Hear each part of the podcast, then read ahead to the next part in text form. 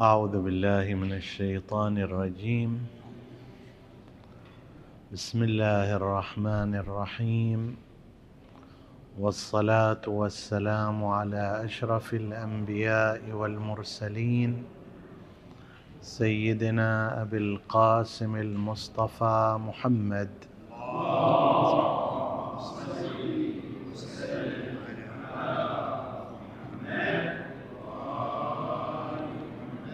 وعلى أهل بيته الطيبين الطاهرين المعصومين المكرمين. السلام عليكم أيها الإخوة المؤمنون أيتها الأخوات المؤمنات ورحمة الله وبركاته.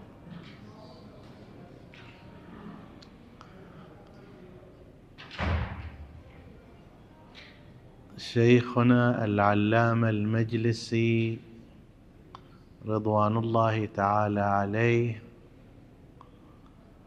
في بحار الأنوار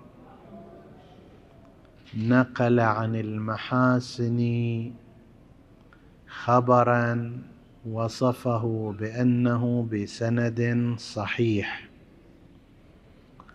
عن أحدهما يعني الإمام الباقر أو الصادق عليهما السلام. فقال إذا مات العبد المؤمن دخل معه في قبره ست صور. فيهن صورة أحسنهن وجها. وأبهاهن هيئة بهية. أبهاهن هيئة وأطيبهن ريحا وأنظفهن صورة. فتقف صورة عن يمينه وأخرى عن يساره وأخرى بين يديه وأخرى عن خلفه وأخرى عند رجله وتقف التي هي أحسنهن صورة فوق رأسه. فإذا ست صور تدخل مع الإنسان المؤمن في القبر فيهن واحدة هي أجملهن وأبهاهن وأحسنهن ويتخذون مراكز هذه عن يمينه تلك عن شماله هذه بين يديه تلك من خلفه واحدة عند رأسه وهي التي الأجمل والأبهى. فإن اتي عن يمينه يعني إذا أراد أحد أن يتناوله مثل في حرب مثلا أنت توقف وأعداء حولك فتؤتى من اليمين تأتي الصورة التي على اليمين تدافع. يأتي الأعداء من الشمال فتأتي الصورة التي على الشمال وهكذا. فإذا أتي عن يمينه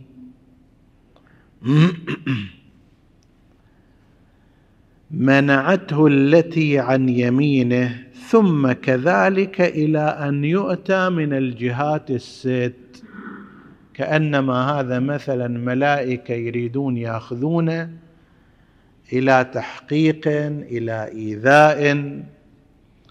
فكل ما يحاولون من جهة هناك حماية.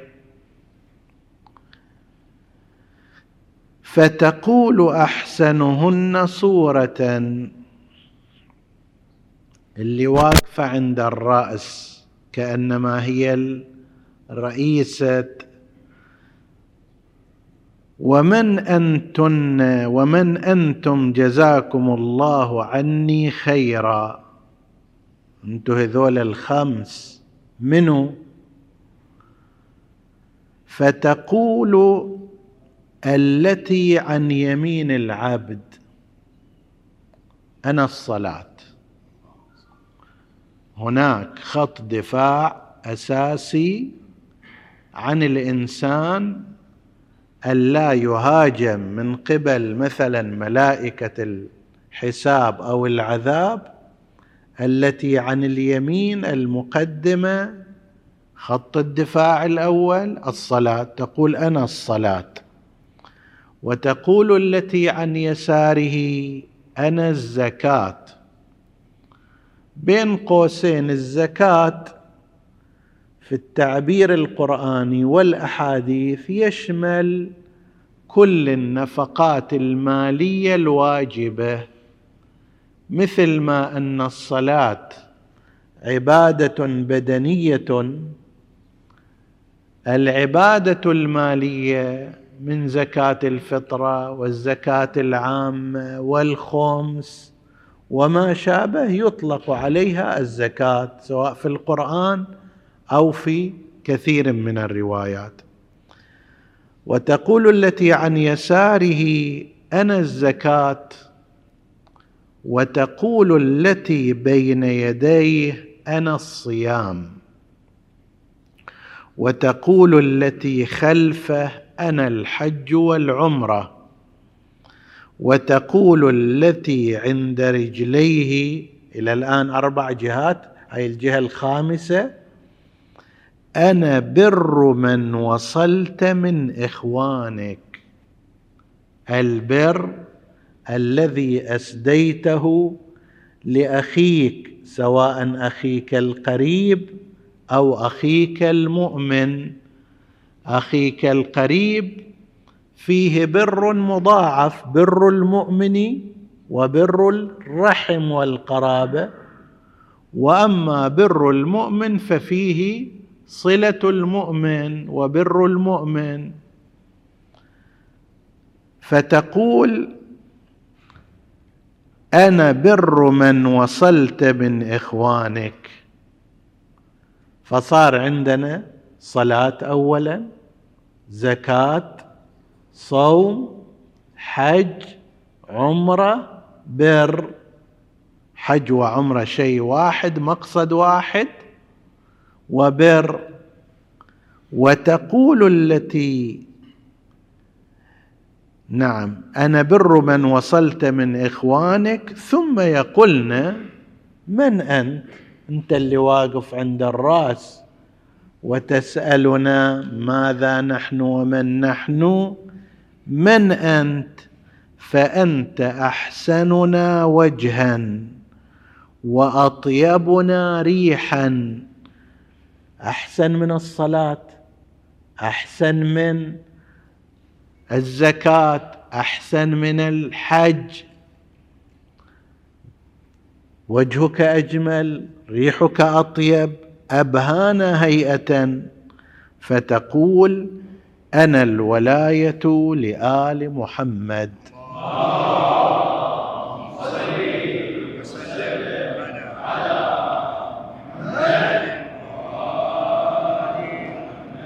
رزقنا الله وإياكم ولايتهم وشفاعتهم ولا فرق الله بيننا وبينهم.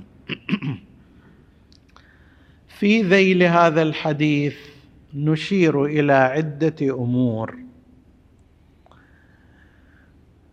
الأمر الأول أن ما يرتبط بعالم الآخرة إن شاء الله يكون إحنا عندنا حديث إذا بلغ الله ووفق في شهر رمضان في نافذة على العالم الباقي عالم الآخرة. عالم الآخرة المرجع الوحيد فيه هو الوحي القرآن. وما يشبهه من أحاديث وروايات سليمة وصحيحة عن المعصومين عليهم السلام. هذا الطريق السليم والصحيح. بعض الأمور في الدنيا لا ما تحتاج إلى هذه. بعض الأمور ترتبط بالعلم. قضايا الفلك قضايا الفضاء المسافات حساب المسافات.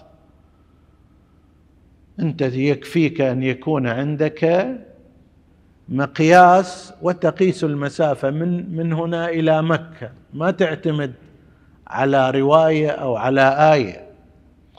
الموضوعات الخارجية الدنيوية كثير منها هناك وسائل متعددة لمعرفتها. فيما يرتبط بعالم الآخرة الطريق الوحيد لمعرفتها هو طريق القرآن الكريم أو طريق أحاديث المعصومين لأن التجربة غير ممكنة. أن يروح إنسان إلى هناك أو جماعة يذهبون إلى ذلك العالم يجربون شنو فيه يشوفون شنو ثم يرجعون. ماكو هذا الشيء. العلم أيضا لا لا سبيل له إلى ذلك العالم. العلم لا يستطيع أن يكتشف. مثلا بناء على قول أن أن الجنة والنار موجوده الآن وإن جهنم لمحيطة بالكافرين في بعض تفاسيرها أنها موجودة في هذه الدنيا. ولكن يوجد حجاب بينهم وبينها. آثارها لا تصل آثارها موقوفة. زين. بناء على هذا هل يستطيع العلم أن يعين أين مكان جهنم في هذه الدنيا؟ لا يستطيع. بناء على أن الجنة موجودة في هذه الدنيا أعدت للمتقين. مو ذاك الوقت لا موجودة. زين. هذا إن شاء الله بحوثها تأتي في ذلك الوقت. لكن بناء على هذا الرأي هل يستطيع أحد مثلا يركب قمرا صناعيا أو صاروخا ويبحث عن الجنة في أي كلا؟ فلا طريق للتجربة لا طريق للعلم وإنما الطريق الوحيد هو ما أخبر عنه الله تعالى في كتابه أو ما أخبر عنه المعصومون عليهم السلام. وليس كل حديث يمكن الاعتماد عليه وإنما لا بد أن يكون حديثا معتبرا من حيث السند ومنسجما مع المبادئ العامة من حيث المضمون. هذه أول نقطة. هذا الحديث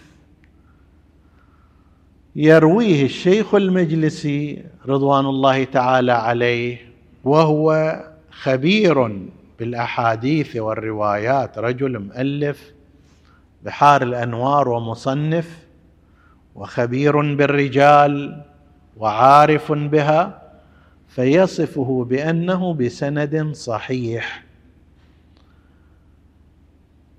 النقطة الثانية في مضمونه أنه يعطينا صورة. كيف هذه الصور تنزل. سيأتي الحديث إن شاء الله أيضا هناك في أنه هل هذه الأمور أمور مادية خارجية أو أمور رمزية وإشارات أو خليط بينهما؟ أو في بعض المواقف هكذا وفي بعض المواقف بشكل آخر. لكن على كل حال ظاهر هذا الحديث يقول أن الإنسان المؤمن غير المؤمن خب ما تروح هي هذه الصور أصلا؟ لا يوجد بينها وبينه أي تسانخ وتجانس الإنسان المؤمن جعلكم الله وإيانا ومن يسمع من هؤلاء.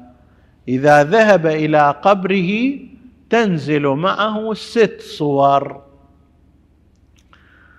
هذه الصور سيظهر فيما بعد. في جريان الحديث أن لها مواقع محددة وأماكن معينة. ففيها أيضا تفاضل من حيث الشكل جمالا بهاء رائحة طيبة. أجملهن أبهاهن أطيبهن هي التي تقف عند رأسه وهذا طبيعي باعتبار أن موضع الرأس من الجسد هو الموضع الأهم نقطة التوجيه تعقل الرؤية السمع إلى آخره. باقي الأعضاء بدون الرأس لا شيء. أنت تستطيع أن تستغني عن رجلك ولكن لا تستطيع أن تستغني عن رأسك. فهذه اللي راح تكون أبهاهن هي موقع الولاية في حياة الإنسان المؤمن لآل محمد.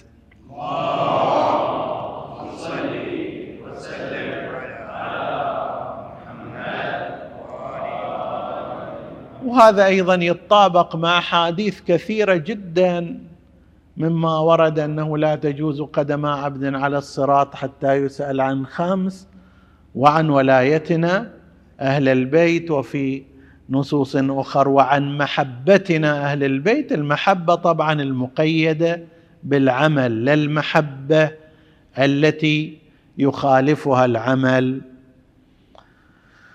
فأول عقبه من أول خط دفاع من خطوط الدفاع هي الصلاة. أن الإنسان يأتي تأتي هذه الصورة إلى يمينه وموقع اليمين واضح. أنه أهم المواقع بعد الرأس يمين الإنسان عن جهته اليمنى تحفظ هذا المكان كله. ما هي تلك؟ هي الصلاة. المحافظة على الصلاة أيها الإخوة أيتها الأخوات جوهر الدين. يتعجب الإنسان عندما يسمع مثلا أن شخصا في مجتمعات المسلمين تارك للصلاة ماذا يصنع في هذه الحياة؟ أن تجيء بك لهذا الكون لغرض واحد فقط هو ما خلقت الجن والإنس إلا ليعبدون.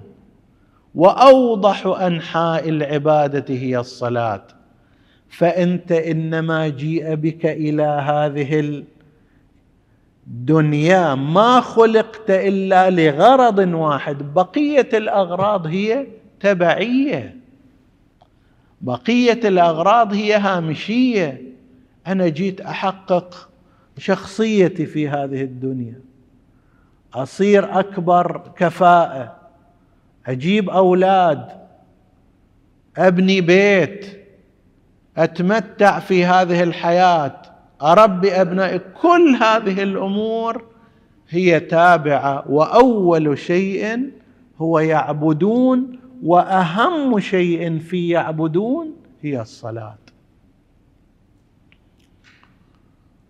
أحيانا يتصل تتصل البعض من النساء في يعني طلب مشورة في مشكلة اجتماعية. أنا مقيد أن أسأل أن الرجل متدين لو لا.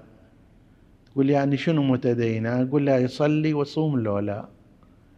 غالبا غالبا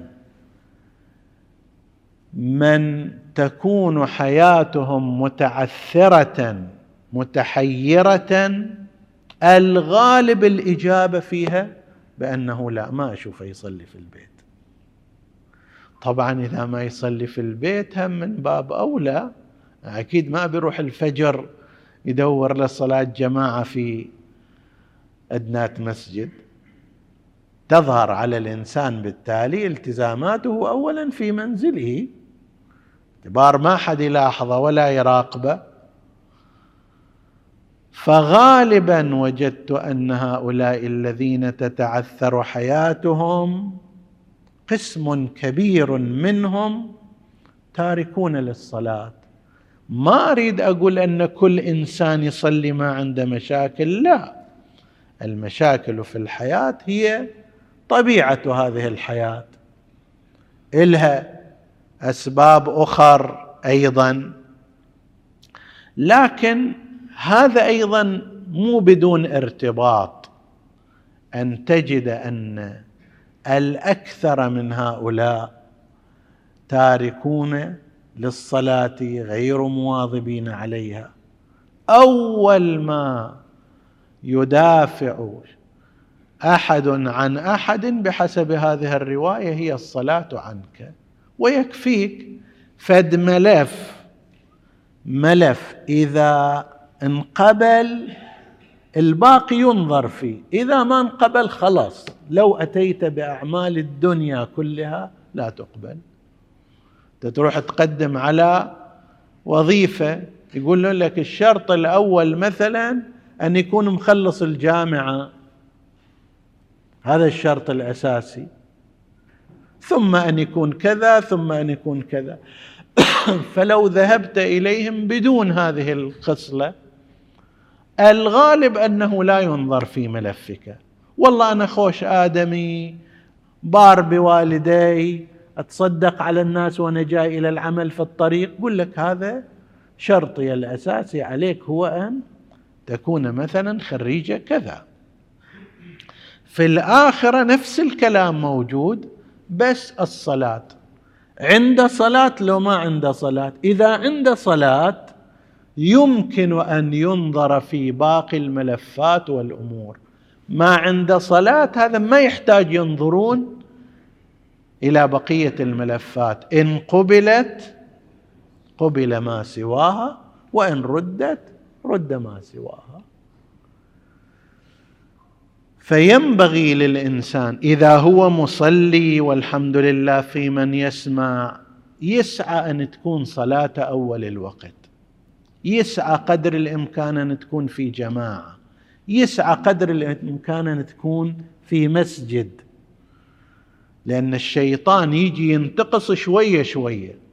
إذا قدر عليك في أن تأخر صلاتك من غير عذر عن وقتها توقع أن بيقدر عليك يوم من الأيام أن يفوتها عليك.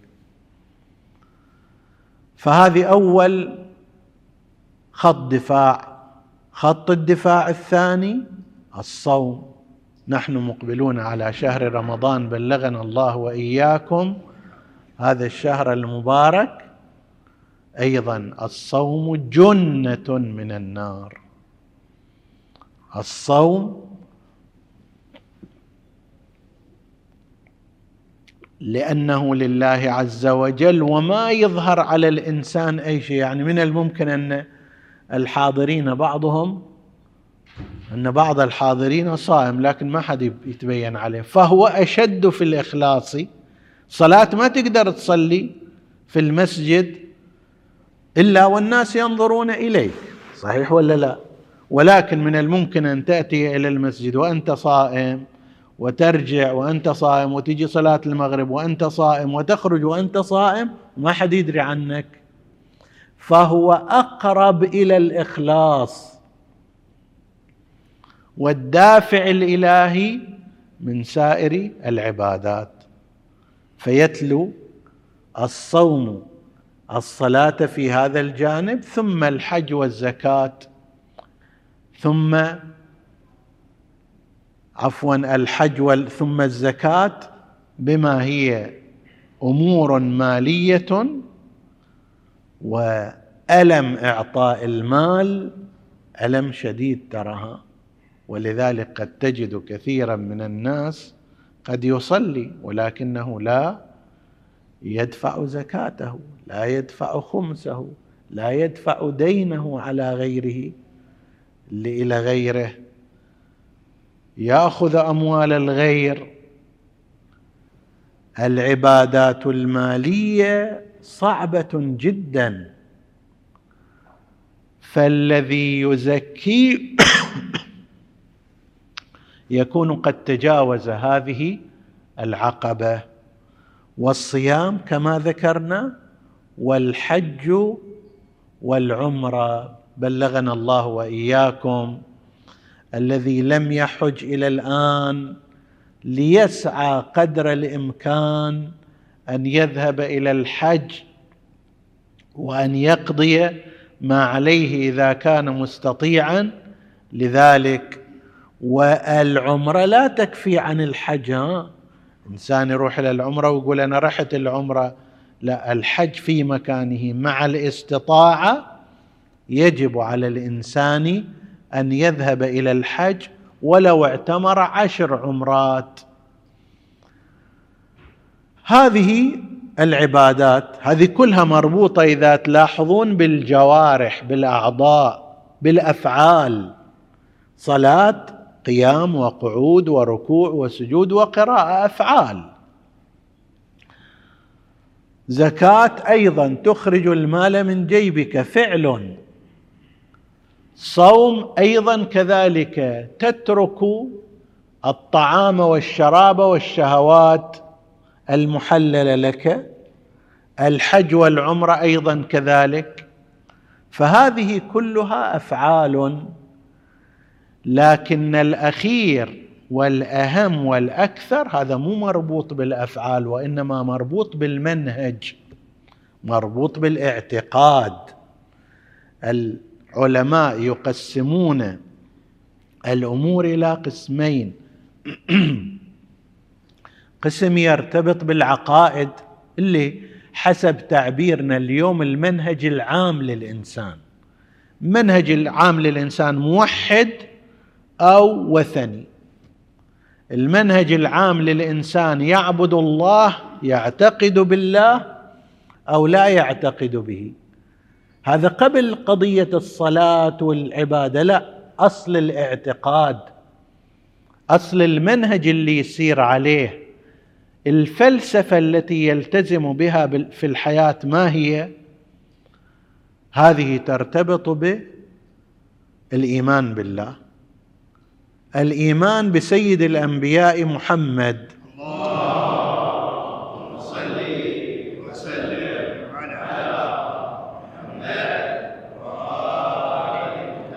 هذا ما مربوط بعمل. صحيح زيارة النبي صلى الله عليه وآله مستحبة استحبابا مؤكدا التوسل به السلام عليه الاستشفاع به هذه كلها أفعال. ولكن أصل الاعتقاد برسول الله الإيمان بنبوته ورسالته هذا يرتبط بالمنهج العام للإنسان. وكذلك الولاية لآل محمد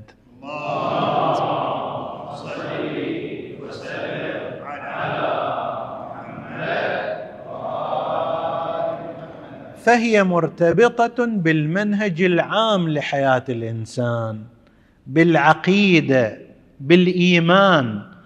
مرتبة المنهج العام مرتبة العقيدة مرتبة الإيمان قرر العلماء حيث أنها ترتبط بالقلب وتحدد للإنسان مسيرته العامة من بداية بلوغه إلى وقت موته فهي أكثر أهمية من العبادات التي ترتبط بالأفعال. الإيمان يرتبط بالقلب الإيمان بالله الإيمان برسول الله الإيمان بالمعصومين الولاية لهم يرتبط بقلب الإنسان بعقيدته وهذه مرتبة أعلى من مرتبة الأعمال العبادية. نسأل الله سبحانه وتعالى الذي هدانا لولايتهم أن يرزقنا شفاعتهم وأن يعيننا على إقامة عباداته وأن يوفقنا للإكثار منها. إنه على كل شيء قدير. وصلى الله على محمد وآله الطاهرين.